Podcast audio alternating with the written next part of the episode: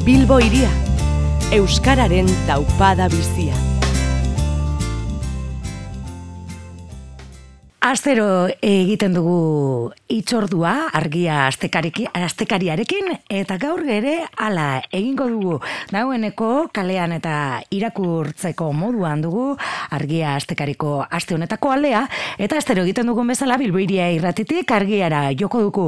Bertan lander arbelaitz daukagu gure zain eguerdion lander Kaixo, berrian. Bueno, beti bezala, asalera, er, asalari erreparatzen diogu, eta orain honetan e, gazte baten argazki eraman duzu azalera, eta berau, ba, Mohamed Ouna zer dugu, bere historia, e, bere elkarrizketan abarmendu nahi, duzu, nahi izan duzu azalean.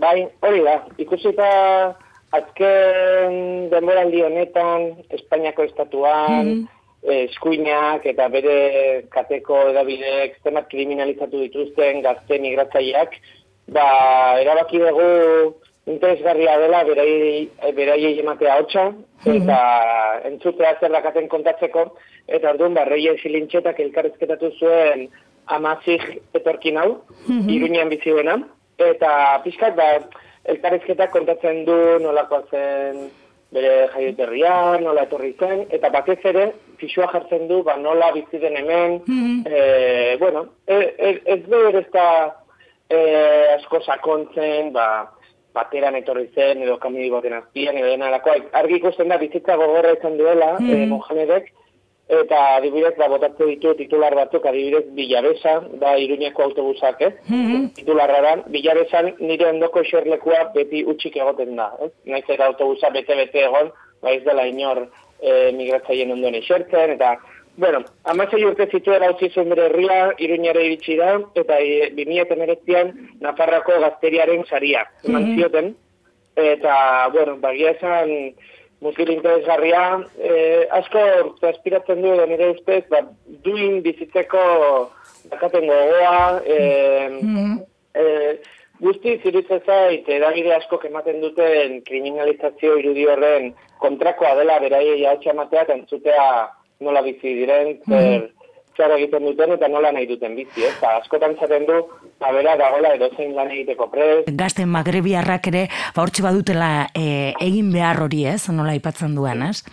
Bai, eta euskera ikasi nahi duela, eta horlako egin, horlako egin nabil, eta ere nik uste nabarmentzekoa dela, e, esaten du, ikuste ezagun guk ere, gizarte bezala nolakoa garen, ez? Mm -hmm. e, beraiek ja gaur egun, pues, duin bizina dutela, eta bildela, pues, gazte, eroten gazteren problema bezala, ez? Pues, pixu bila bilela lagun batzuekin bizitza joteko, eta edotzen pixutara deitzen dutenean, mm.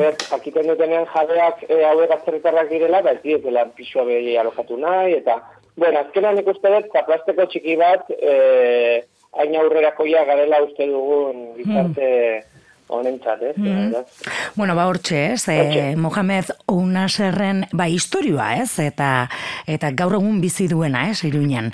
Bestetik, e, beste artikulu bat aipatuko dugu, elkarrizketa ezberdinak ere aurkituko ditugu irakurgai argia astekarian, baina artikulu hau zukidatze duzu eta, bueno, e, ba, apispiku baten historia ekarri diguzu, ez? Gazteizeko kale batuela edo? Bai, egia zen, e, argia notatzen, e, ja bi urte gara matzago egutegian efemeride mm -hmm.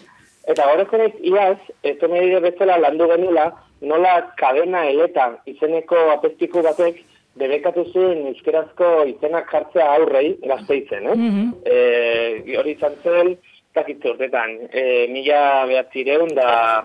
E, da margarren urtean.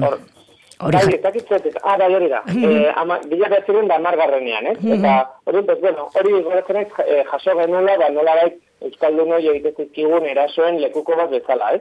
Baina horten, ja, urten bete pasatu da, eta horten jakin dugu, gizon horrek ez da bakarrik euskarazko izenak debekatu zituela aurrei jartze, e, gaztoizen, mm -hmm. eta kale daukala gaztoizen, gaur egun, oraindik. Oraindik ere. Mm -hmm. da, eta egina izan ez, da, errepasoan, nortzen gizon hau, e, gizon hau zen Nafarra, Nafar bat, e, pitila zen jaio zen, e, ibilitzen Espainian apaiz bezala, azkenean amaitu zuen gazteizen, apaiz bezala, eta badirudi ba oso espainolista zela, eh, hain, hain zen horrelakoa, ba hori, bere agintaldian, debekatzen zuela eh, bataioetan, ba, euskarazko izenak jartzea Mhm. gazteizen umei. Mhm. Eta pixka testu inguruan jarri nahi izan dut, badago Virginia López de Maturana, izeneko pertsona batek egin zuen eh, lan bat, eh, la construcción del imaginario simbólico en Vitoria durante el franquismo, eta bertan eh, pertsona honek eh, testu inguruan jarri zuen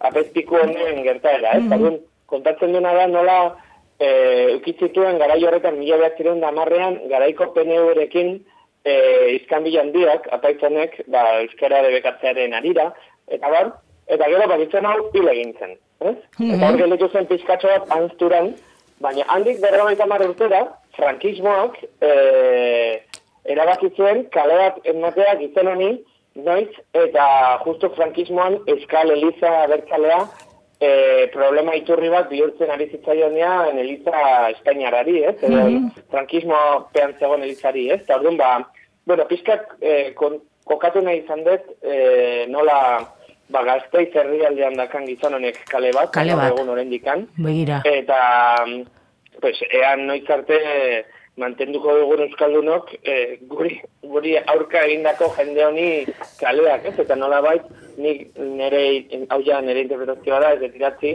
ba, iruditzen zait, estatu batuetan botatzen dituztenean esklabistak izan ziren jendeen estatuak, bezala, e, iruditzen zaidala Euskal Herrian, ba, Euskara debekatu zuen jende batek kaleak eukitzea, ba, guztiz politikoki simil berdinak egin daitezkela, eta, bueno, Pues ondo batorrela gogola ez gu ere maila horretan zenbateraino gauden kolonizatuta, eh?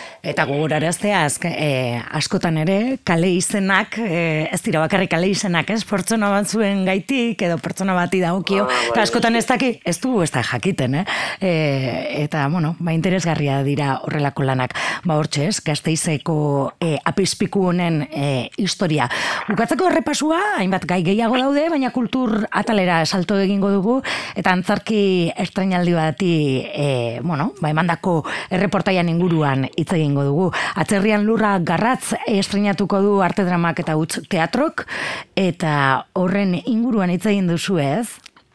Bai, Ainoa Mairi Ezkurrenak egin du erreportajea, ba, pixkat esplikatu zantzerkia zeri buruz den, beraz, ba, e, Aurora Mora itzena du protagonistak, berrogei urte e, berrogei urte ditu, aktorea da, kolombiarra da, lau urte da matza Euskal Herrian, eta performance baten estrenaldiaren bezperan, ba, jakiten du ama hil zaiola, ez? Mm. Eta orduan, ba, horrazten da, ba, pixkat, ba, galdera asko, ez? Eta pixkat, e, Ainoak hitz egin du antzerkia prestatu dutenekin, eta pixkat, ba, kontratzen duten nola, ba, nahi izan duten atzerritarrek gurekiko duten begirada hori jorratu, ez? Eta guri esplikatu, eh, bueno, blueson, egin izan hori dituzte... Eh, Estreinaldia, baina azkenean eh, oinatin egin izan behar izan dute, ez? Migrazio eta deserrien inguruan, ez? E, hitz egiten dute.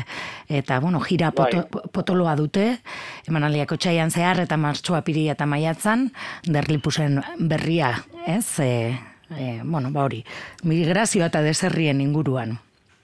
Bai, hori da. Emakume indigena eta migratzaile gisa. Definitzen da aktoreza, eta, bueno, kontatzen du, baduela berak bizi izan duen etika nere asko, eta, bueno, egia esan oso itxura nadaka antzerki honek, eh, berrogei bat emanaldi lotu dituzte, noiz eta COVID garai hauetan, ez da gutxi, beraz, ba, bueno, Bilbon behiratu dut martxoaren bian eta iruan, dakazute? Hori da, arriagan Beraz, txokian egongo dira, bai, bai, eta taula gainean Ander Lipus eta Laura Penagos, eta zuzendaritzan e, ba, amankai gaztaina garitu da. Bueno, ba, esan dakoa, martxoan, e, martxoko bi, bi egunetan izango da Bilbon ikusteko aukera txerrian lurragarratz. E, entzuleari ere esango diogu argia astekarian gai gehiago ere badaudela, eta interesgarriak irakurtzeko daude hor, gu datorren astean bat egingo dugu berriro ere zuekin. Oso ondo, ni eskerrane, Bai, datorren astera arte, aur. datorren astera arte.